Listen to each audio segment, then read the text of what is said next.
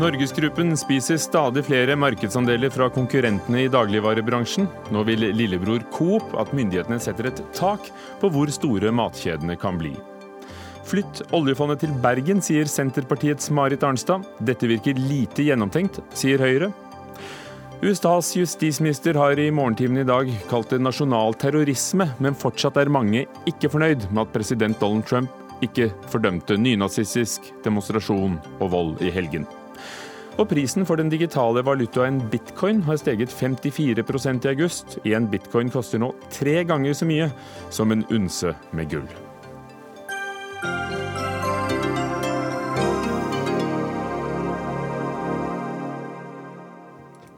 Velkommen til Dagsnytt 18 med Ugo Fermariello i studio. Etter at Ica ble kjøpt av Coop for tre år siden, handler nordmenn først og fremst i butikker som tilhører tre kjeder. Coop, Rema og Norgesgruppen. Og det er nettopp Norgesgruppen som er mye større enn de andre, med en markedsandel på 43% Coop har 29% og Rema 23% av vår handling, viser tall fra analysebyrået Nilsen. Norgesgruppens konkurrenter er frustrerte over at én aktør har vokst seg så stor. Og Geir Inge Stokke, konsernsjef i eh, Coop i Nasjonen i dag, uttrykker du bekymring over situasjonen. Hva er problemet?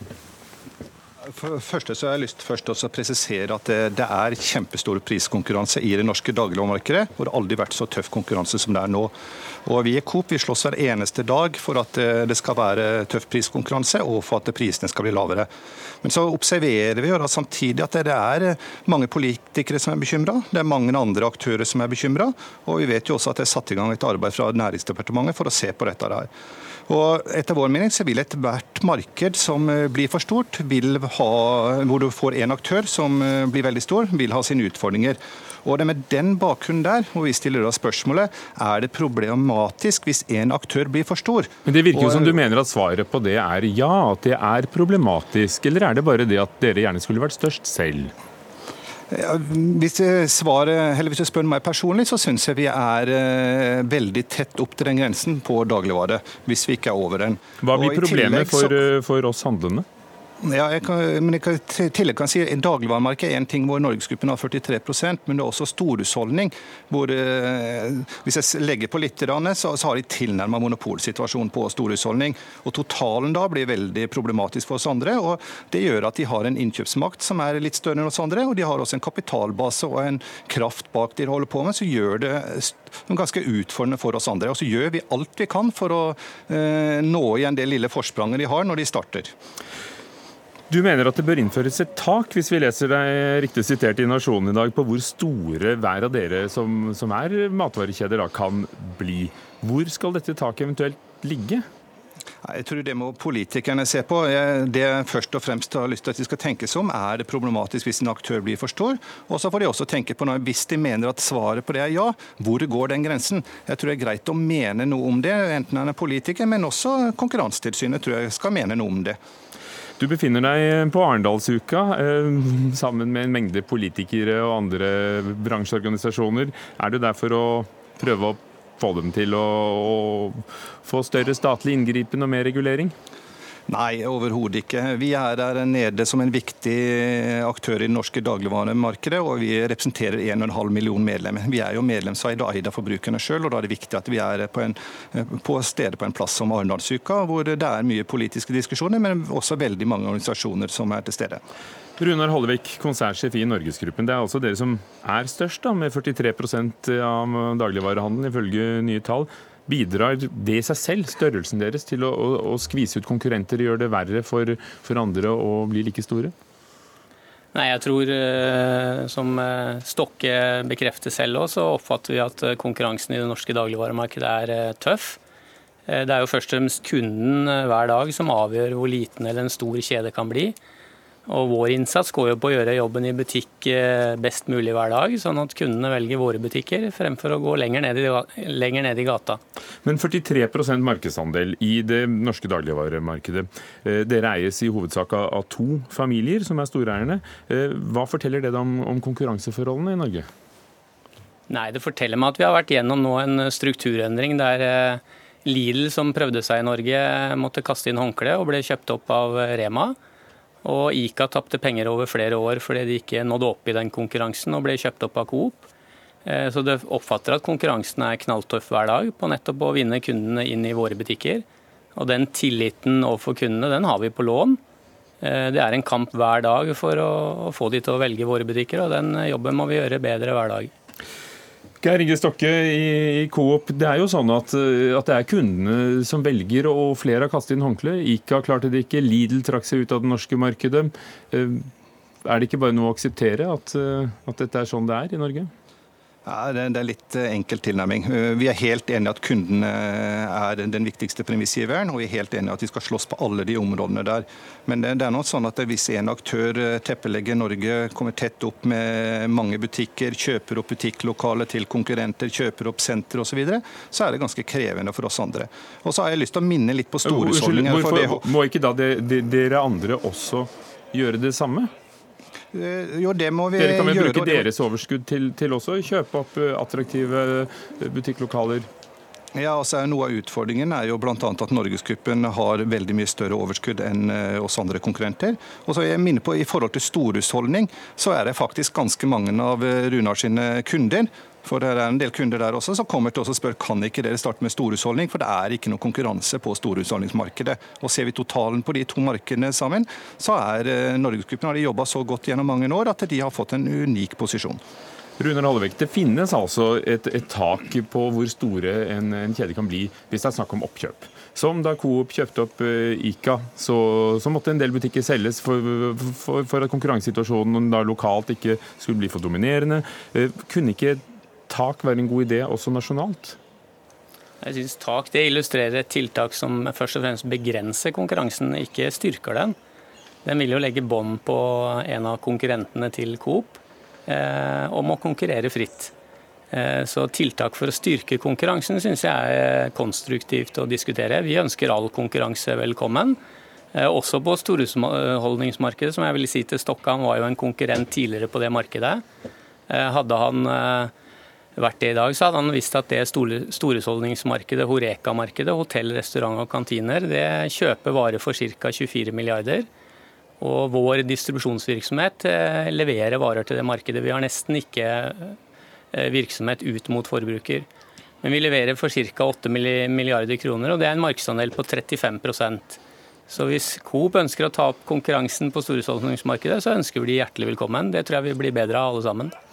Har du en forklaring, Litt med, med tall her, da, for det at det største konkurrenten din på storhusholdning det er 2,7 milliarder.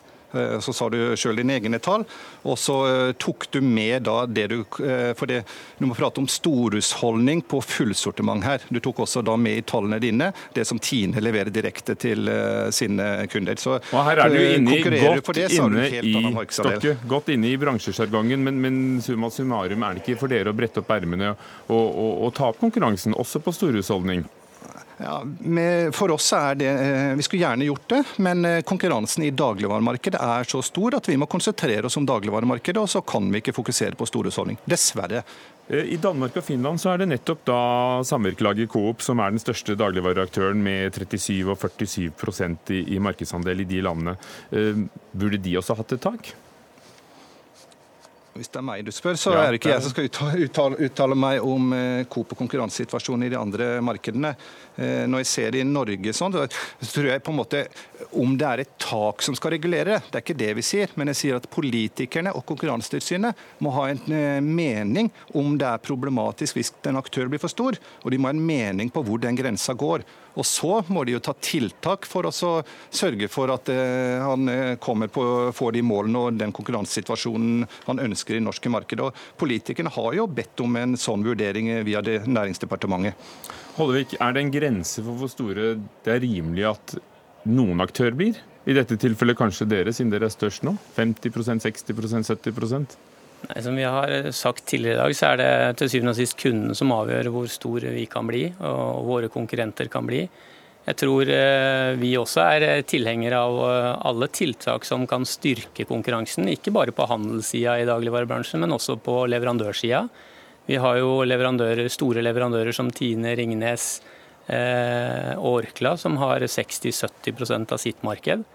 Så det myndighetene etter denne strukturendringene vi har vært igjennom har tittet på, om hvordan vi kan styrke konkurransen innenfor dagligvarebransjen, eh, det er Norgesgruppen veldig positive til. Men det tiltaket om å legge et tak, det vil jo nettopp begrense konkurranten for en av konkurrentene til Coop. Og Her kunne jo med fordel hatt alle politikerne som er i Arendal, men vi lar isteden ballen gå til konkurransedirektør i Konkurransetilsynet, Lars Sørgaard. Eh, dere er jo ikke med i debatt, men eh, du stiller opp for å forklare oss eh, hvordan dere håndhever konkurranseloven. For det er dere som da godkjenner fusjoner og oppkjøp, bl.a. da Coop kjøpte opp ICA-butikkene. Forstår du Coops bekymring? Ja, jeg forstår Coop sin bekymring. og Konkurransen er òg bekymret for konkurransesituasjonen i dagligvaremarkedet.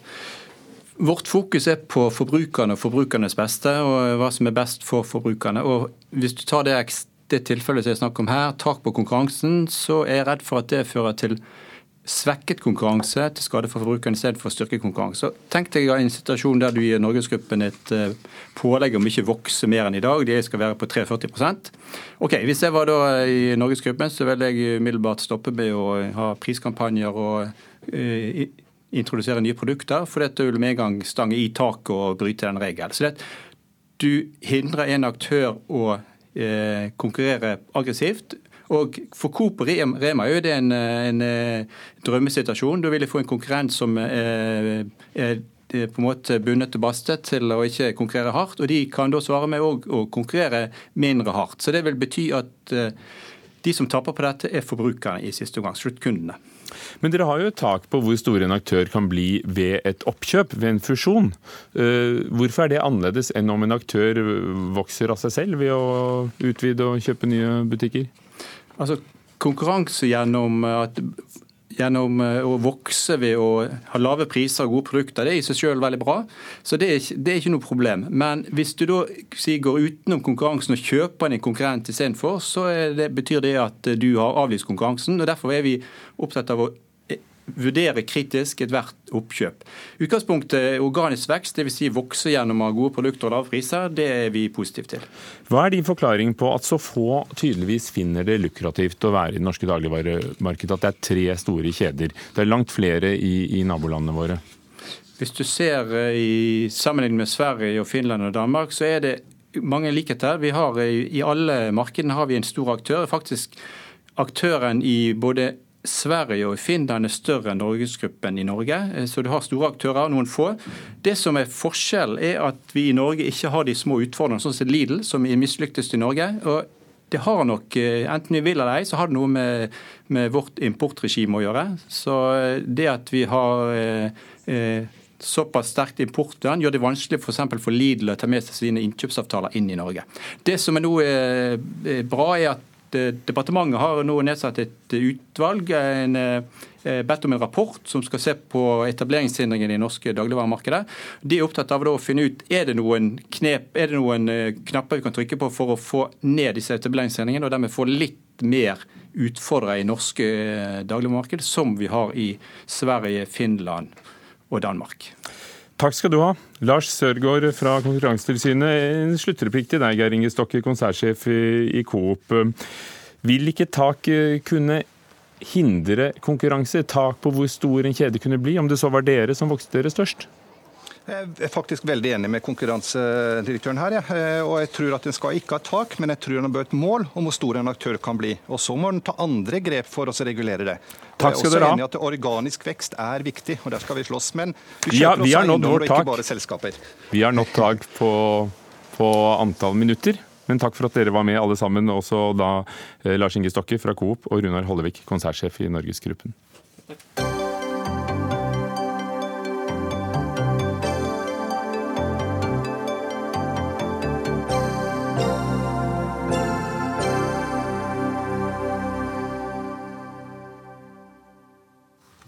Jo flere elever som fullfører utdanningen, desto mer penger vil høyskolen eller universitetene få. Ja, Dette er altså resultatet av belønningssystemet som innføres i høst i en ny finansieringsmodell for høyere utdanning. Mens høyere utdanning før fikk 8,6 milliarder kroner tidligere som belønning for de studiepoengene studentene tok, er nå 1,6 milliarder av disse pengene forbeholdt de studentene som fullfører en grad. Altså universitetene og høyskolene til de studentene som, som får seg en ferdig grad. Inger Merete Hobbelstad, kommentator i Dagbladet. Du skriver at en slik belønningsordning vil føre til færre valgmuligheter for unge, og at de blir bundet til masten. Ja, jeg tror dette kan ha uheldige konsekvenser. Når det er sagt, Jeg har veldig stor forståelse for behovet for å sette inn tiltak mot frafall i høyere utdanning. Altså det er, det er veldig høyt. Men noe du gjør ved at du på en måte økonomisk premierer universitetene for å uteksaminere ferdige kandidater, altså folk som har tatt en grad, i stedet for at de har tatt studiepoeng og tatt eh, eh, eller avlagt, avlagt eksamen, det gjør jo at det blir jo i universitetenes absolutt økonomiske interesse å sørge for at studentene blir på veien de har valgt seg. Hvem er denne studenten som som vil få det vanskeligere i livet? Eh, det vil jo f.eks. være en student som vil ha behov for å skifte studieretning underveis. Eh, som finner ut at det man opprinnelig har valgt, var ikke det man så for seg. Eh, at det kan nytte å slå over, og vil da, opp, vil da, gjøre det innenfor en institusjon som ikke har økonomisk interesse av at han eller hun gjør det. Det vil også kanskje altså Jeg ser for meg at det er jo noen som skal falle fra. altså Det er jo folk som begynner ved universitetene og finner ut at dette var ikke noe for dem. Kanskje de vil ha en mer håndgripelig yrkesrettet utdannelse. Dette vil da også universitetene tape på at denne personen skifter, skifter utdannelse. Og så har jeg, har jeg, også nå i det siste hørt om en del unge mennesker som syns det er vanskelig å velge utdannelse nå. Eh, for det er klart, altså si at du er en 18-åring fra kanskje en liten by i Norge, så er det litt vanskelig å se for deg hva en studiehverdag innenfor et fag som kanskje ikke er juss eller medisin, ikke profesjonsrettet, hva det faktisk vil eh, innebære. Og som da synes at det å på en måte forplikte seg til et løp på tre og fire og fem år, som er det universitetene nå legger om for å eh, pushe i større grad, eh, vil være litt mye å forplikte seg til. Og kan vegre seg for å gå inn i et så, eh, så forpliktende løp. Så jeg ser for meg at man mister en smidighet her, som er ganske viktig å ha innenfor de fagene som ikke er profesjonsstudier, men sånn som humanistiske, samfunnsvitenskapelige fag, der behovet for å eh, kanskje justere kursen etter hvert er størst. Torbjørn Røe Isaksen, kunnskapsminister fra Høyre. Du er med fra Arendalsuken du også. Er det det du vil? Presse alle gjennom samme kvernen og binde dem til masta? Nei, men jeg vil at eh, universiteter og høyskoler skal bli belønna for at eh, de legger opp bra undervisningsopplegg som gjør at studentene gjennomfører. Og Problemet med det finansieringssystemet vi har hatt, det er at det, bare belønner det at studenten er der og tar studiepoeng. Eh, og Det gir jo ikke noe oppmuntring til universiteter og høyskoler til å lage ekstra god undervisning, ha tettere oppfølging av elevene, sørge for at færre faller fra, få folk gjennom studiene. Eh, så er Det sånn at det er selvfølgelig noen mulige ulemper med alle systemene, men, eh, men jeg er ikke bekymra for det Inger Merete Hobbelstad drar opp nå. Jeg er mye mer bekymra for at 40% av norske studenter faller fra i løpet av studieløpet. Men er det virkelig universitetenes skyld? Er det ikke heller studentene som kunne fått belønningen, som i gamle dager var 40 000 ettergitt på studielånet hvis du fullførte hovedfaget på normert tid? Eh, jo, det kan, man, det kan, man, også diskutere. Men eh, av, et av problemene i dag det har vært at eh, universitetene og høyskolene har ikke noe oppmuntring gjennom finansieringssystemet til å legge opp et godt og ekstra godt undervisningsopplegg. Så det har vært veldig mye oppmerksomhet og mange virkemidler knyttet til kvantitet, men altfor få knytta til kvalitet. Og Det er derfor vi har gjennomført denne endringen. Så er det fortsatt sånn at aller mest penger får de allikevel for å ha mange studenter som tar studiepoeng. Men, men dette er en endring som, som studentorganisasjonene har ønsket, og som vi har gått i bresjen for. Nettopp fordi at vi vil at universitetene skal oppmuntre til at undervisninga blir bra, blir høy kvalitet, tettere oppfølging av studentene, og at man da får en gulrot på, på slutten. Hobbelstad, tror du universitetene og høyskolene innretter undervisningen sin til det bedre, da? Eh, det, jeg har litt vanskelig for å se det, at det statsråden sier nå, at det å premiere dem for da å uh, få ferdigeksaminerte kandidater, at det nødvendigvis skal føle, føre med seg en kvalitetsendring. Jeg tror det finnes eh, mye undervisning av høy kvalitet innenfor årsenheten, innenfor eh, kurs- og studieprogrammer som har kortere varighet. og ikke minst så Altså, jeg tenker også at Det er noe med en gang man setter, lager et insentiv for noe. ikke sant? Med en gang man sier at vi belønner deg for å gjøre det på denne måten, så gjør man det direkte kostbart å gjøre ting på en annen måte. Ikke sant? Gjør man, man at man taper penger på å legge opp til at studenter skal kunne skifte studiested, skifte eh, studieretning. Eh, og i mange tilfeller vil det være nødvendig. Og så er jeg helt enig med statsråden i at frafall er et stort problem ved høyere utdanning. Nå er det også et fenomen som har veldig mange og sammensatte årsaker. 40% faller fra. Ja. Skal vi da betale de 100 000 kroner i snitt det koster for en studieplass i året, hvis de ikke engang får gjennomført? Altså, det vil, som sagt, som jeg var inne på her i sted, da, eh, så er frafall et veldig sammensatt fenomen. Altså Sånn som disse fagene jeg nevnte, humanistiske fag, samfunnsvitenskapelige fag. Det er litt sånne typiske fag som studenter begynner på som, hvor de kanskje ikke helt vet hva de vil. Eh, ikke sant? Og kanskje noen av dem finner ut at dette ikke var for dem. Og I så fall kan det være helt eh, riktig å falle fra. Eh, det kan også være i tilfelle der studenten eh, sant, sier at man skal jobbe innenfor eh, forvaltningen med forskjellige kunstneriske fag, og så finner man ut mens man er ved studiestedet, jobber ved siden av, at det kanskje oi, det ville vært fint å ha, jeg trenger kanskje mer økonomisk bakgrunn, jeg trenger et språkfag. Og det å da kunne sette sammen en grad, alt dette blir institusjonen på en måte økonomisk straffet for at du gjør. Og jeg premierer liksom hensikten, men jeg kan se at her er det noen betydelige ulemper også. Men jeg, jeg syns ikke, ikke, det er en veldig god beskrivelse av det systemet som, som vi har innført. For det høres ut som det nærmest blir forbudt for studentene å bytte studieretning. Det blir det selvfølgelig ikke. Det er jo ikke studentene her som blir belønnet for å, eller straffet for å avlegge eller ikke avlegge en grad. Og det er jo også sånn at det er fortsatt mange årsstudium igjen. Eh, men det er, noe, det er jo sånn at vi, vi for 15 år siden tok en beslutning om at vi skulle bevege oss bort fra det systemet som var da jeg gikk på universitetet. og hvor du kunne plukke fag, sånn årsenheter, helt fritt, og over mot dagens system, som er at de aller fleste, eller i hvert fall mange flere, starter på et type fastlagt studieløp hvor du får en bachelorgrad i enden. Men har de ført det til mindre frafall, da? Eh, nei, altså det har vært et av, et av problemene med, med, den såkalte kvalitetsreformen. Det er jo at veldig mange av de løftene som blir gitt til studentene da, om tettere oppfølging, om høyere kvalitet på studiene og mer studentnær undervisning, rett og slett ikke har blitt uh, fulgt opp og realisert. Så Det er jo grunnen til at vi gjør dette, og det er nok også grunnen til at vi har fått stor støtte fra studentorganisasjonene.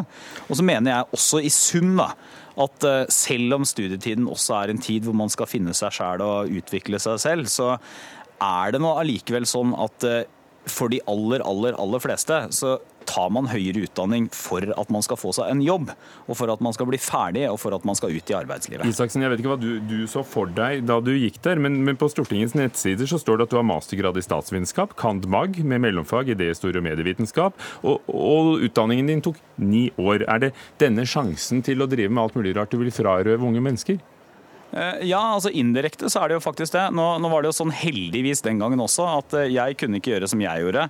Eh, ta mastergraden min på deltid og jobbe ved siden av å få fullt studielån. Det ville vært helt urimelig. Så jeg hadde jo mye lavere studielån, mye lavere stipendandel enn det andre hadde.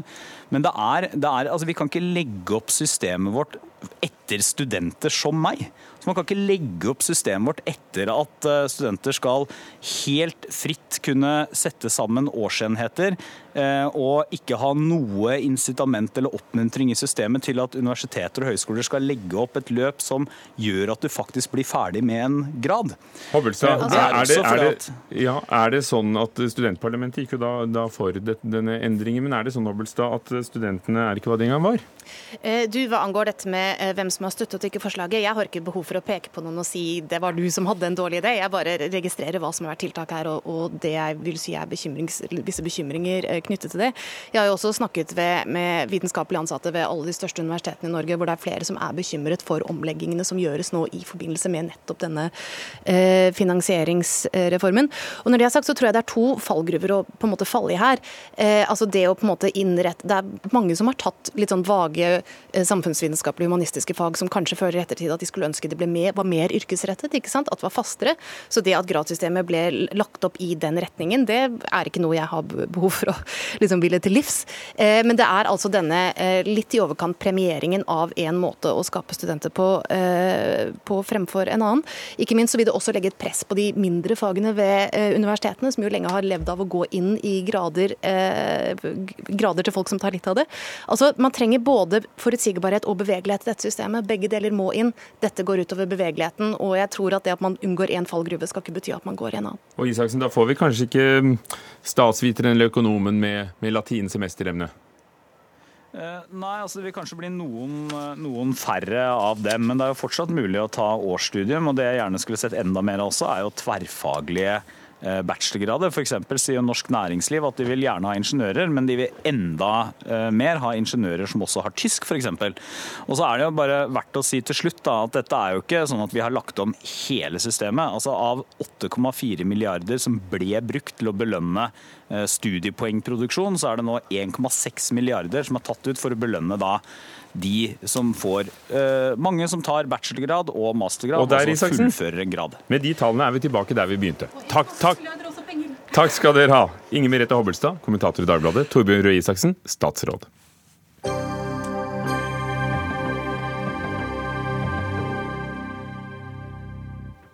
Vi skal til eh, USA. I helgen var tusenvis av demonstranter, nynazister, Ku Klux Klan-tilhengere og høyreekstreme samlet i universitetsbyen Charlottesville i delstaten Virginia. De var der for å protestere mot eh, fjerningen av en statue av en sørstatsgeneral fra den amerikanske borgerkrigen. Lørdag støtte demonstrantene sammen med motdemonstranter. En kvinne ble drept, titalls skadet da en mann kjørte inn i en folkemengde av motdemonstranter. Dette er nasjonal terrorisme, sa USAs justisminister Jeff Sessions på Good Morning America, morgennyhetene på TV-kanalen ABC i dag tidlig amerikansk tid. Tove Bjørgaas, vår korrespondent i Washington. Hva betyr det at Jeff Sessions sa dette? Eh, det er viktig for mange her at dette nå blir etterforsket som et terrorangrep. At en mann altså kjørte inn i denne folkemengden og drepte en kvinne ti ligger fortsatt hardt skadd på sykehus. Men det alle venter på her nå, det er jo om Donald Trump har noe mer å si om det som skjedde. Og det har jo fått beskjed om at han skal gjøre nå hvert øyeblikk. Er, han har akkurat hatt et møte faktisk med justisministeren i Det hvite hus og, og skal komme ut til journalistene hvert øyeblikk og, og si noe. Og fra Det hvite hus så sies det nå at han kommer til å fordømme hat og ondskap Eh, og rasisme eh, når han nå kommer ut. Så får vi se hva han sier når han dukker opp. For denne debatten ble jo for alvor stor da Donald Trump uttalte seg etter hendelsene eh, lørdag, men han sa at han fordømte vold på begge sider og, og sa ingenting om nynazisme. Hvordan var reaksjonene på Trumps første uttalelse? For siden har vi, har vi ikke hørt fra ham i denne saken. Det at han brukte eh, ordene på begge sider, og altså også la skylden på motdemonstrantene fra venstresida, det eh, skapte kraftige reaksjoner her. For det var jo høyreekstreme grupper som hadde tatt initiativet til og satt i gang disse demonstrasjonene. Og, og, det at Trump ikke ville bruke navnene på disse gruppene, kalle dem høyreekstreme og ta avstand fra det, eh, det fikk spekulasjonene til å gå for fullt her om at at det er folk innad i administrasjonen hans som hadde gitt ham råd om ikke å bruke det. At han står på disse gruppenes side. Spesielt etter at noen av lederne for demonstrasjonen eh, sa at de demonstrerte i Trumps navn, fordi Trump har sagt at, skal ta, at han skal ta tilbake USA for dem. At det var det de hadde som mål med denne demonstrasjonen. Hilde Restad, førsteamanuensis ved Bjørknes høgskole, USA-kjenner, og du har nettopp studert i eh, Charlottesville ved universitetet der. Ja, hvilke, Hvordan reagerte du på bildene fra, fra din by?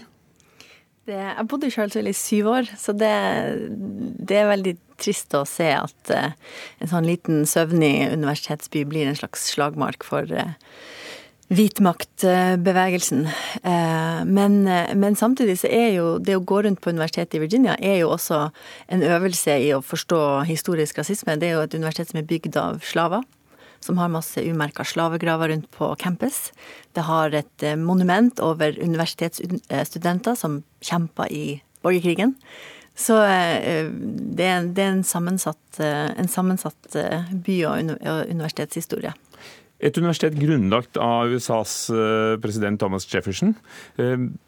Hvorfor, hvorfor er det nå en bevegelse for å fjerne statuene, gi nye navn til, til en park. Hvorfor kommer det nå? For det er lenge siden eh, borgerkrigen. Og det, de tapte den? Det, det, er veldig lenge siden borgerkrigen, og de statuene ble ikke oppretta eh, i forbindelse med borgerkrigen. Eh, og det er mye myter og narrativer rundt de her statuene, men de ble gjerne oppretta eh, i to bølger. Eh, begynnelsen av 20. 20. Eh, århundre og 50- og 60-tallet, når, når borgerrettighetsbevegelsen kom som fullt. Så de monumentene har ofte vært en reaksjon på økt borgerrettigheter for svarte amerikanere eller andre innvandrere. Den statuen som man eh, sier man er så skuffa over skal fjernes i Charlottesville, er jo over Robert E. Lee, som var en sørstatsgeneral i konføderasjonen. Den statuen ble oppretta i 1924. Så ikke på 1870-tallet, eller.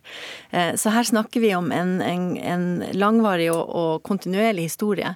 Eh, som ofte, En kamp som ofte handler om eh, det hvite USA og reaksjonen man, det hvite USA har på eh, når man skal øke borgerrettigheter eller utvide det som skal kalles for eh, USA, og, og, hvem som kan kalles for amerikanere, og hvilke rettigheter man skal ha. Så det er reaksjoner og, og motreaksjoner. En reaksjon som kom i dag, var at um, Direktøren for USAs tredje største legemiddelfirma, nemlig verdensomspennende Merck, trakk seg fra president Trumps eh, råd av eh, industrimagnater, et rådgivende forsamling. Eh, og Tove Bjørgaas, på hvilket nivå kommer reaksjonene nå? De kommer på veldig høyt nivå. Eh, og han som trakk seg, sier altså at han gjør det fordi han ikke lenger kan arbeide som rådgiver for en president som ikke tar avstand fra dette. Sjefen for Merck er også en afroamerikansk mann.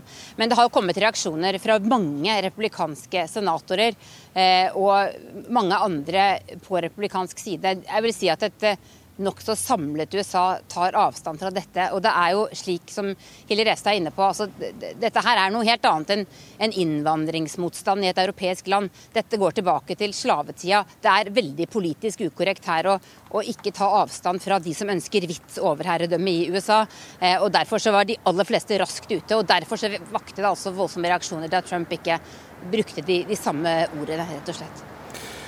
Mange har jo koblet uh, dette i løpet av helgen, mange kommentatorer, til nettopp uh, Trumps egen bakgrunn. og Hvilke paralleller blir trukket? Hvorfor er uh, aggresjonen da rettet spesielt mot presidenten selv? Donald Trump bygget jo sin politiske karriere ikke på å samle USA, men på å splitte USA. Det må man kunne si. Det at han hevdet at Barack Obama ikke var født i USA f.eks., var noe som som ga han stor støtte i enkelte grupper i dette landet. I valgkampen så kritiserte han en meksikansk dommer. Han kritiserte eh, Barack Obama for ikke å bruke begrepet eh, radikal islamsk terrorist ofte nok. Han har vært flink til å eh, eh, kritisere mange grupper. Nå sier han at han vil være alle amerikaneres president.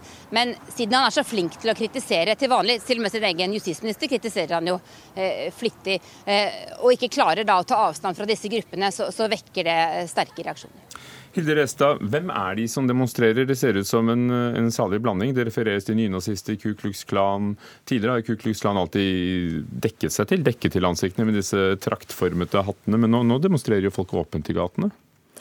Ja, det finnes mange historiske bilder av Ku Klux Klan fra 20-tallet hvor de ikke har dekt seg til. Eh, de har ofte gått eh, offentlig og, og stolt. Men det som var interessant med Eh, de som var i Charlottesville, av de rapportene jeg har lest, så var det veldig Det var unge, det var særdeles eh, særlig menn.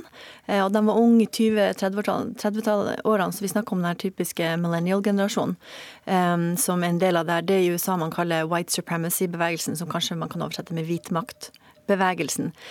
Og det er jo ifølge FBI den største Eh, terrortrusselen som USA eh, står overfor eh, innad i USA, så er det bevegelsene på ytre høyre, ekstreme høyre, som er den største terrortrusselen mot USA.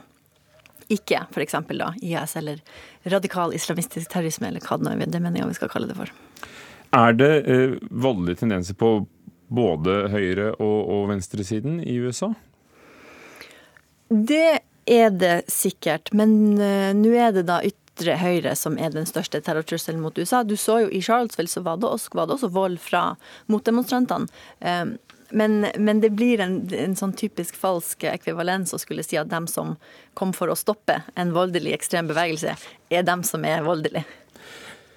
Til slutt, eh, Tove Bjørgaas i USA. Donald Trump skal straks eh, si noen ord, så du får følge med for oss. Men eh, er det sånn at politiet virkelig ikke grep inn, som mange hevder? Det var jo demonstrasjoner allerede kvelden før.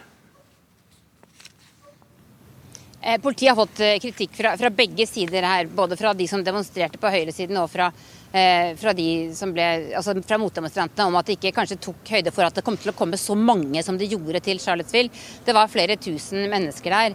Eh, og, og eh, man klarte altså da ikke å, å, stanse disse sammenstøtene i tide. Og så kom altså dette bilangrepet. Eh, men det er også ganske skremmende bilder som bl.a. har kommet ut på Twitter eh, av eh, f.eks. noen av disse eh, høyreekstreme demonstrantene som forsøker å banke opp politifolk med køller. Jeg har dekket mange demonstrasjoner f.eks. i Black Lives Matter-bevegelsen i Ferguson f.eks. Hvis en svart demonstrant hadde forsøkt å banke opp politiet, så, så vet jeg ikke helt, altså da kan man bare se for seg hva som hadde skjedd. Eh, så, så det, er, det, er, veldig spesielle bilder som har kommet herfra. og Lederen for demonstrasjonen på høyresiden ble også forsøkt banket opp da han skulle holde pressekonferanse i går. Så det har vært et voldsomt sinne på begge sider. Eh, og, det har kanskje ikke politiet i Charlottesville klart å håndtere så godt som de skulle. Det er mulig de burde ha fått inn flere forsterkninger når de så hvor mange som kom til å møte opp. Takk Tove Bjørgaas, og takk Hilde Restad, førsteamanuensis ved Bjørknes høgskole.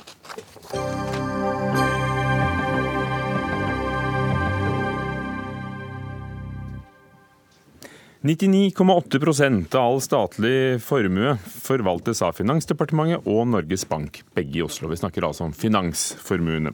Dette gir altfor mye makt på ett sted og altfor tette bånd mellom institusjonene, sier Senterpartiets Marit Arnstad til Dagsavisen i dag. Nå vil hun flytte oljefondet til Bergen og Folketrygdfondet til Trondheim. Marit Arnstad, parlamentarisk leder for Senterpartiet.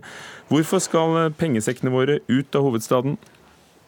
Ja, det er jo sånn at I slutten av juni så kom jo det såkalte Gjedrem-utvalget med sin, eh, sitt forslag om å skjære ut oljefondet som et særlovsselskap fra Norges Bank eh, og etablere et eget styre. og Det syns Senterpartiet er en god anledning til også å igangsette diskusjon om det bør flytte deler av den eh, forvaltninga av den statlige finansformuen til andre større byer i Norge. Men det, det bør de, mener jo du? Ja, og det tror, jeg tror det kan være en god tanke. fordi jeg tror at det kan bety at du da får, kan klare å bygge opp tre sterke kapitalforvaltningsmiljøer kapitalforvaltningsmiljø i Norge. altså Norges Bank da i Oslo, Oljefondet i Bergen og Folketrygdfondet i Trondheim. Og Både Bergen og Trondheim har jo lange erfaringer med kapitalforvaltning. Dog ikke statens kapital, men, men med privat eh, kapital. Og det er også på begge plassene veldig gode utdanningsinstitusjoner. Sånn at jeg tror det kan gi en dynamikk også faglig der ulike fagmiljøer utfordrer hverandre. Eh, og dermed gir et godt beslutningsgrunnlag også for beslutningstakerne i neste omgang. Så Det tror jeg vi alle kunne ha tjent på, og den debatten får vi i løpet av det neste året eller de neste to årene. Og den debatten bør kobles på debatten om å skille ut oljefondet som et særlovsselskap. Kjersti Stenseng, partisekretær i Arbeiderpartiet. Gjedrem-utvalget er dette særlovsutvalget som i juni foreslo eh, å lage et eget styre og et eget selskap av Statens pensjonsfond utland, altså pengebingen vår. Hvorfor er ikke dette et godt forslag, å, kunne se på å legge dette andre steder enn Oslo? Jeg er opptatt av at vi skal etablere arbeidsplasser over hele landet, og ut til hovedstaden og ut til de store byene. Det som er viktigst, er at vi etablerer mange nye arbeidsplasser, og mange nye statlige arbeidsplasser. Det har vi sett under denne regjeringa her. mens veldig mange av dem er i Oslo. Og Jeg er opptatt av at vi gjennom den statlige lokaliseringspolitikken vår først og fremst etablerer nye arbeidsplasser over hele landet. Det er sterke fagmiljø, som Marit Arnstad viser til. og Eh, jeg tror ikke at det umiddelbart er klokt å tenke at du skal bygge ned og splitte opp de fagmiljøene vi allerede har rundt de institusjonene, men at eh, men, men, når det er snakk om nye det. Arnstad, Handler dette om å, å skape arbeidsplasser andre steder enn i Oslo, eller handler det om hva som lønner seg for oljefondet? Nei, Det handler jo om at du skal bygge videre på de gode kapitalforvaltningstradisjonene som du også har i andre byer enn i Oslo. og Da er det først og fremst i Bergen og Trondheim. De har ikke forvalta statens finansformue, men de har forvalta mye annen kapital.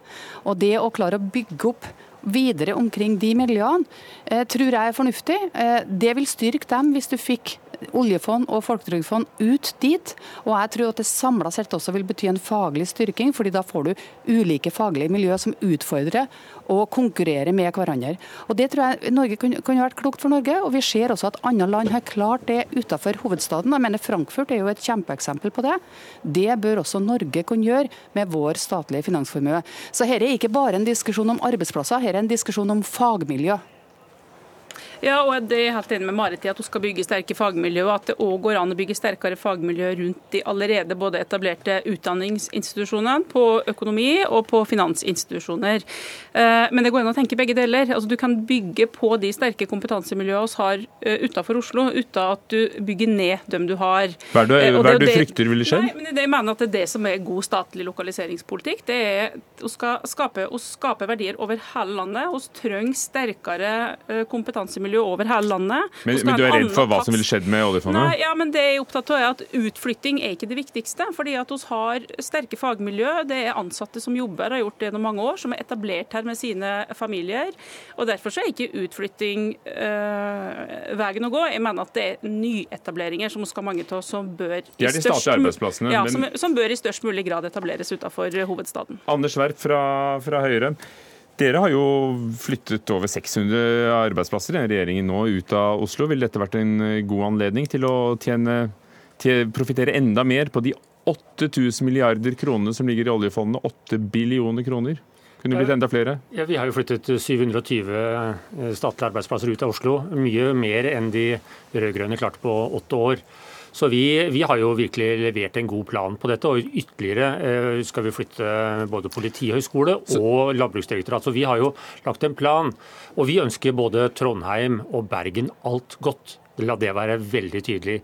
Eh, men måten Senterpartiet gjør dette her på, er litt, eh, litt, underlig. Eh, de gjør jo viktige fagmiljøer og statlige institusjoner til kasteballer i innspurten i en valgkamp. Det er ikke slik vi behandler denne type institusjoner. Vi må behandle dette seriøst og skikkelig, og vi har etablert flertall i Stortinget for vår plan. Og, og, og, fått til det på en god måte. Så de arbeidsplassene, Kunne du tenkt åpent om hva som skal til for å forvalte oljeformuen best? Ja, Vi må se på dette. Eh, vi har jo ikke landet noen konklusjon på dette. Vi, vi konstaterer at diskusjonen kom, eh, kom, i dag. Og som sagt, Dette er viktige fagmiljøer som fortjener en mye bedre og grundigere og mer seriøs behandling enn det Senterpartiet legger opp til i innspurten av en, en eh, valgkamp. Arnstad? Ja, altså... Jeg har ikke sagt at dette skal besluttes i løpet av valgkampen. Jeg sier bare som en, som en oppfordring etter at Gjedrem-utvalget i slutten av juni, rett før ferien, la fram sin innstilling, at det er naturlig å koble på den prosessen som Gjedrem-utvalget nå blir lagt opp til. Det er naturlig å koble på også spørsmålet om utflytting av arbeidsplassene i oljefondet og Folketrygdfondet. Fordi det er et tidsskille når du nå skal etablere oljefondet som et eget særlovsselskap. Og så har jeg lyst til å si at Det er hyggelig at en snakker om at det er utdanningsmiljø i Trondheim og Bergen. men det er jo ikke det viktigste. Det er også viktig i og for seg. Men det viktige er jo at Bergen har jo lange tradisjoner for forvaltning av eh, noterte aksjer, for fondsforvaltning, ikke minst. Og Trondheim har lange tradisjoner for venturekapitalforvaltning. Eh, og begge de, eh, Men da innenfor privat, privatfinanser, ikke statsfinanser. Poenget her er at også statens finans forvaltning. Der bør en også tenke nytt. og kan, Hvis en kobler også da det kompetansen som er i det statlige finansforvaltninga med den private finansforvaltninga du finner i Bergen og Trondheim, så tror jeg du kan klare å bygge opp sterke miljøer. Sjølsagt skal, det her, skal det dette behandles skikkelig. Nå skal Gjedrem-utvalget ut på høring, det skal behandles i regjering, det skal drøftes i Stortinget. Men jeg syns det er viktig å koble på denne debatten. Arnstad, eh, når du ser eh, hvor få av ekspertene som er blitt med hver gang andre tilsyn og eh, direktorater er flyttet ut, er det ikke en litt stor risiko å ta? For de som forvalter Folketrygdfondet og oljefondet, å ta risikoen på at de miljøene ikke vil bestå, og ikke vil utvikle seg i en positiv retning? Ja, Det er bestandig en krevende side av det, det. Eh, hvor mye av kompetansen som blir med over. Eh, men litt av vårt poeng er jo også at du må koble den kompetansen som også allerede finnes på de to plassene, med da den kompetansen du har i oljefondet. Og så vil de enkelte arbeidsplassene det vil være en krevende situasjon. Det er ingen tvil om det er det med all statlig utflytting. Og det skal tas på seriøs og skikkelig måte. Eh, og så har jeg lyst til å presisere at dette gjelder jo selvsagt ikke de utenlandske delene av oljefondets forvaltning, for dem er vi nødt til å ha i London, i New York og i Shanghai. Men det gjelder den Oslo-biten som allikevel da skal skilles ut som et eget særselskap. Og Det er altså rundt 300 i Oslo, og så er det 250 i utlandet. Folketrygdfondet har 50. Så, så det er vel ikke først og fremst eh, Kjersti Stenseng, arbeidsplassene. Det er hva vil være til, til pengepungens beste. Ja, og jeg, synes, jeg er uenig med Verp som sier at Marit her tar forhasta konklusjoner. For hun inviterer til en debatt, og det syns jeg er helt fint. Nå skal dette her behandles og utover høsten. Så mitt viktigste poeng er at vi må i større grad etablere de nye og bygge på kompetansemiljø utover Oslo. Det som har skjedd under denne regjeringa er jo at av de nye statlige arbeidsplassene, så har nesten 50 blitt etablert i Oslo. Og Det er ingen grunn til det, at de ikke kunne tatt et litt mer offensivt grep for å få arbeidsplasser ut over hele landet. Så Det, det du refererer til, er feil. Det har vært veldig defensivt. Så de arbeidsplassene, Vil du kunne følge opp Gjedrem-utvalgets konklusjon om å lage et eget selskap av oljefondet? med å, å, ta det lenger, og se om det skal plasseres et helt annet sted, knyttes til helt andre folk enn i dag? Ja, den diskusjonen skal vi ta videre når det skal behandles. Eh, det viktigste for meg er å si at jeg er opptatt av at vi skal bygge på de miljøene som er både i Bergen og i Trondheim. Men vi har sett det til erfaringer på andre utflyttinger nå, at det har store omkostninger, og at det òg er vanskelig å flytte med fagmiljø. Så det er det som er min innvending, at vi eh, ikke skal risikere å bygge ned de fagmiljøene vi har. Ja, Anders Werp, altså Språkrådet fikk bli i Oslo fordi det var for risikabelt å flytte til Bergen sett fra fagfolkenes eh, ståsted. Men, men når det gjelder oljefondet, kunne man tatt en diskusjon? Kunne du tatt en diskusjon? Ja, diskusjonen tar vi jo her og nå. Eh, men eh, mitt og vårt hovedanliggende er jo at dette er fagmiljøer som er svært viktig for landet. Eh, og de, må behandles seriøst og ikke som kasteballer i en valgkamp. Er det det at Også, du risikerer litt mindre enn ved å flytte Språkrådet? At det er lettere å flytte et språkråd enn 8000 milliarder forvaltning? Vi har jo flyttet 720 arbeidsplasser ut av Oslo. Mer enn de rød-grønne klarte på åtte år, har vi klart på fire år. Gjennom gode prosesser i Stortinget og et bredt flertall der. Det vi hører her egentlig mellom mellom Arbeiderpartiet og Senterpartiet, er jo en ny krangel eh, på et viktig politisk område eh, i to partier som går til valg på at de skal regjere sammen. Og, og Arbeiderpartiet forsøker jo å, å hoppe bukk over at de har jo fjernet fra sitt uh, stortingsvalgsprogram uh, det som tidligere sto, at man skulle flytte ut statlige arbeidsplasser. Det er nå borte. Slik at det ligger jo noe under i denne debatten som, som ikke kommer helt fram, syns jeg, mellom uh, Arbeiderpartiet og Senterpartiet i denne debatten. Ja, Marit Arnstad, mm, sier du dette før valget, sånn at vi kan få, få alle ballene i luften og se hvem dere kan regjere med? Nei, jeg sier det nå før valget fordi det er et naturlig tidspunkt når Gjedrem-utvalget kom i slutten av juni. Da er det naturlig å begynne å ta opp den debatten om prosessen videre.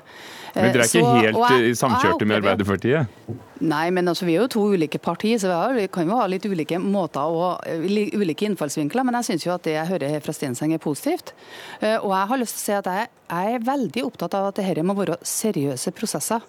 Det må også være prosesser der statsrådene og en samla regjering tar et klart lederansvar. Det går ikke an, sånn som du gjør på Frihetskorpset, å stå i Førde som Venstres stortingsrepresentant og presentere dette spørsmålet her. Det er useriøst. Her må statsrådene og en regjering inn og ta et klart ansvar for en prosess som har så store konsekvenser, både for dem som jobber i dag i Oslo, og for de miljøene du eventuelt skal flyttes til. Vi får holde oss til de partiene som er her. Kjersti Stensing i Arbeiderpartiet, blir dette en en reell debatt, tror du, til høsten? Hvor skal oljefondet og folketrygdfondet forvaltes fra? Ja, Det kan godt bli en debatt, og jeg har sagt hva som er vårt hovedanliggende i den uh, saken. Men det viktigste her er jo at vi nå har hatt en regjering som ikke har skapt arbeidsplasser utenfor landet. Det er jo tull det Verp sier. Hvis han hadde lest våre landsmøtevedtak, så hadde han sett at den uh, lokaliseringspolitikken vår handler om å bygge sterke fagmiljø utenfor Oslo. Men det er borte fra programmet, sier han? Nei, det står i vedtatt landsmøte. Eh, vi har en egen, et eget distriktsprogram. Der står det klart og tydelig. Da fikk du svart på det òg, enda jeg prøvde å dreie det tilbake igjen til å snakke om oljefondet og folketrygdfondet. Takk skal dere ha alle sammen. Marit Arnstad, Senterpartiet, Kjersti Stenseng, Arbeiderpartiet, Anders Werp fra Høyre.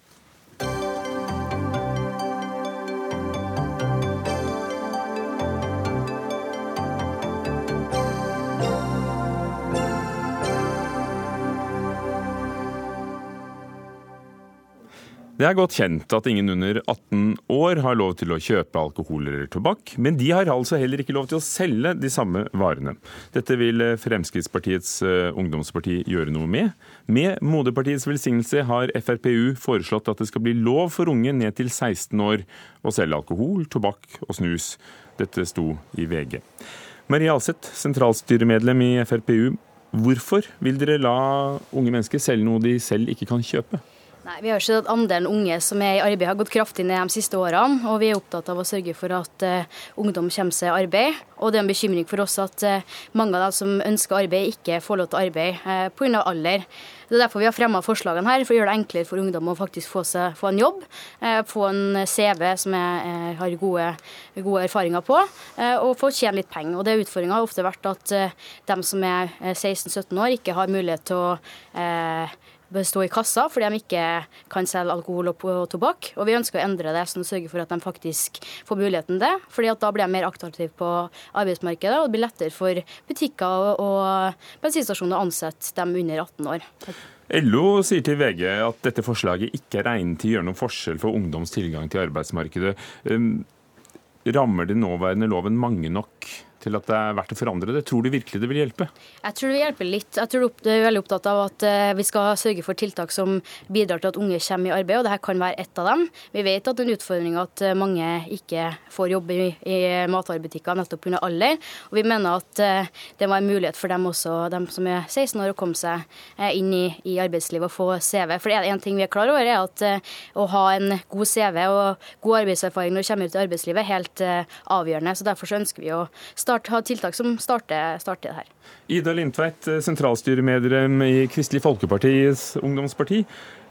Hvorfor er dere kritisk til forslaget? For det er jo ikke sånn at 16-åringer selv skal kunne kjøpe tobakk, selv om de kan selge den i kassen i butikken? Nei, Jeg er helt enig med FPU i eh, utfordringen her, og at dette er noe man må jobbe med. Men jeg mener at FPU kommer med feil tiltak. og Det er rett og slett fordi at jeg tror ikke at dette forslaget vil skape noen flere jobber. og Skal du få flere unge inn i arbeidslivet, så må du ha eh, oppgaver som er tilpassa unge. Så Det er på en måte det ene, at det ikke vil skape flere jobber. Eh, og Det andre er jo at man har en utfordring i dag når Juventes skjenkekontrollundersøkelse viser at én av tre butikker selger alkohol til mindreårige. Eh, da er det viktig å passe på at de som står i kassa og utfører den oppgaven, at de er myndige, at de er klare for å gjøre den oppgaven. Sjekke legg på en god måte.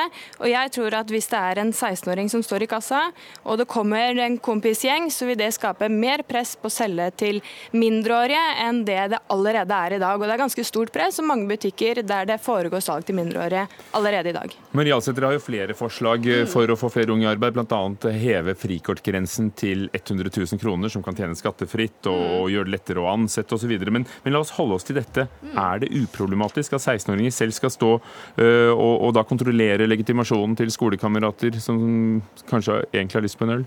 Jeg tenker at uh, Her er vi nødt til å ha tiltro til ungdommen. Vi lar 16-åringer kjøre rundt i trafikken. Vi lar 16-åringer få lov til å uh, selge lottokuponger f.eks. på butikker. Og jeg syns også vi skal ha tiltro til at ungdom på 16-17 år også klarer å eh, ta det valget og si nei når det passer seg. Og så vil det jo også være opp til butikkene, fordi det er butikkene som vil få konsekvensene hvis de ikke følger opp det godt nok. Og jeg tror at butikkene har lyst til å ansette unge, unge som kan få arbeidserfaring. Jeg tror også at de har, kommer til å ta ansvaret på alvor. og sørge for at de som er under 16 og 17, eller de som er 17 år, også følger, får oppfølging på det her. Ida Lindtveit, Et av de største problemene når man skal ha sin første jobb, er jo manglende arbeidserfaring. Eh, og mange får da nei på sommerjobb, for de kan ikke sitte i kassen og, og, og selge alt det en dagligvarebutikk har. Kunne ikke dette hjulpet på, på en del elementer som unge sliter med? For det første så er det ikke bare 16-åringer som sliter med å komme seg inn i arbeidsmarkedet. Eh, også 18-åringer sliter med det. Og det er ikke sånn at butikkjobbene står i kø for 16-åringer bare de hadde fått lov til å selge alkohol. Eh, og Derfor tenker jeg vi må eh, snu om på det og se hvordan er det man kan skape flere arbeidsplasser for 16-17-åringer. Og jeg tror heller f.eks. at eh, kommunene kan opprette sesongarbeidsplasser for å plukke søppel, eh, vanne på kirkegårder, eh, klippe gress og sånne type ting. som unge eh, under 18 kan eh, jobbe med, som gir dem mer eierskap også til kommunen, og at de kan få arbeidserfaring på den måten. Og Da trenger man ikke å gå inn på dette regelverket i det hele tatt. Jeg tror ikke det vil skape flere arbeidsplasser. Jeg tror ikke at flere 16-åringer kommer i jobb av det. Og da må man se på andre tiltak for å skape arbeidsplasser. Jeg vil jo si Det er veldig lite konkrete tiltak eh, annet enn å vanne plenen. Og, og, jeg tror at Vi må satse på ungdom. Vi må satse på at ungdom faktisk kan jobbe i matvarebutikker og, og, på bensinstasjoner. fordi det er der de fleste arbeidsplassene finnes. Eh, og Derfor så syns jeg vi skal satse på det.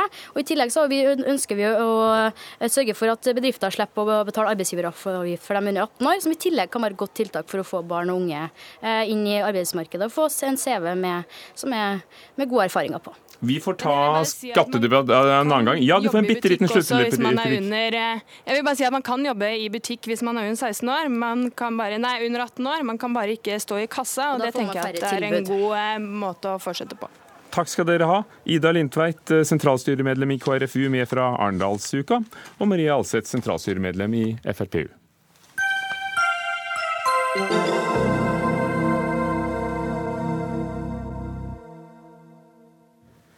Den åtte år gamle digitale valutaen bitcoin har gått fra å være uglesett som tøys og svindel, til å bli ansett eh, som en seriøs, eh, gangbar mynt, nesten. Nå koster en bitcoin over 33 000 kroner, og den er verdt tre ganger så mye som en unse med gull.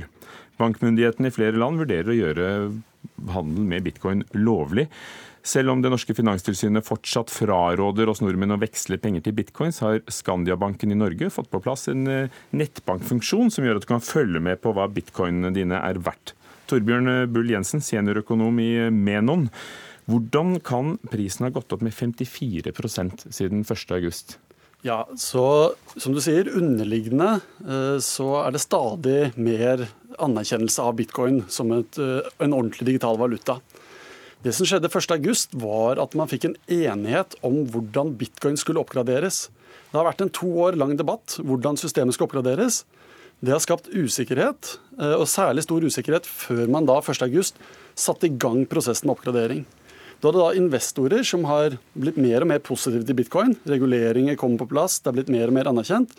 Men som da holdt igjen litt i forkant av 1.8, men som så har kommet inn når da oppgraderingsprosessen nå har startet, og bitcoin fortsatt fungerer godt. Kan du i enkle og korte ord fortelle oss hva bitcoin er? Ja, så Bitcoin er i hovedsak to ting. Det er en digital valuta, og det er et nettverk for å overføre denne valutaen. Som valutaen så er det både et betalingssystem og et investeringsobjekt. Det unike og spesielle med bitcoin er at det er et åpent system. Det er første gang i menneskets historie at vi har hatt en digital betalingsløsning som hvem som helst kan ta i bruk. Som hvem som helst kan videreutvikle og bygge nye tjenester oppå. Hvem er det som har mest glede av det? Altså, Hvor brukes det mest? Ja, så det er delt. Eh, per i dag så er det nok de som har mest glede i form av avkastning på investeringen sin, For det var jo de som kjøpte noen hundre kroner verdi ja, av bitcoin, det, og så gikk det plutselig opp for et par år siden? Ja, så det var noen tidlige teknologifolk som så dette tidlig eh, og puttet litt småpenger i det og har blitt rike. Så ser man en del eh, investorer som har fått en betydelig avkastning. Men samtidig så ser man at også i land som Venezuela, hvor økonomien klapper sammen, så er det folk som bruker statssubsidiert strøm til å mine bitcoins, slik at de kan få seg en elektronisk valuta, gå på internett, kjøpe mat i et naboland og få det smuglet inn. Så per i dag så brukes bitcoin mest av investorer, og gjerne med dype lommer. Mens framtiden, og man begynner å se det litt allerede, eh, ligger særlig i de landene der finans fungerer dårlig. Som f.eks.? Som f.eks. Venezuela. Eh, eller også internasjonale pengeoverføringer, som er dyrt og tregt og ofte sensureres. Hvordan ser du for deg at eh, det skal gå? Kan det, kan det være en, en, boble? Kan den plutselig synke igjen? Ja, så Det snakkes veldig ofte om boble når man snakker om bitcoin. Og Man tenker da typisk på en aksje som blir veldig populær, hvor det handles stadig mer i denne aksjen. Det som skiller bitcoin fra en aksje, er at den, det produktet, bedriften som aksjen er en fordring på, det produktet den lager, er det samme. Så når aksjen blir verdt for mye, så stiger ikke verdien av det produktet. Derfor må prisen falle når den lavere verdien av produktet realiseres. For bitcoin som en valuta, så er det slik at verdien av valutaen, hvor nyttig valutaen er, stiger med antallet brukere. Jo mer penger som strømmer inn i bitcoin, jo flere nye investorer det er som kommer til, jo flere brukersteder som aksepterer bitcoin, jo nyttigere blir bitcoin.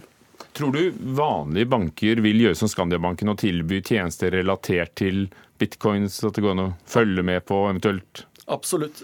Ingen tvil. De har ventet fordi regulatoriske myndigheter har vært litt siderumpa. Det er litt nytt. Men, Men det er jo ikke gangbar valuta i de fleste land? Det er lovlig i alle land. Eh, man ser at i Japan så er det blitt eh, mer regulatorisk forutsigbarhet rundt det, ved at myndighetene har sagt at dette er gangbar valuta.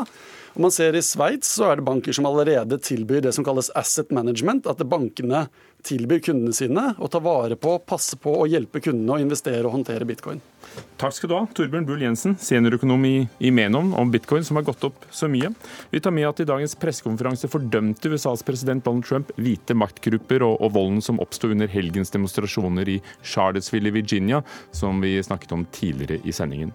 Odd Nytrun var eh, ansvarlig for dagens utgave. Finn Lie, teknisk ansvarlig. Hugo Fermariello, programleder. God kveld.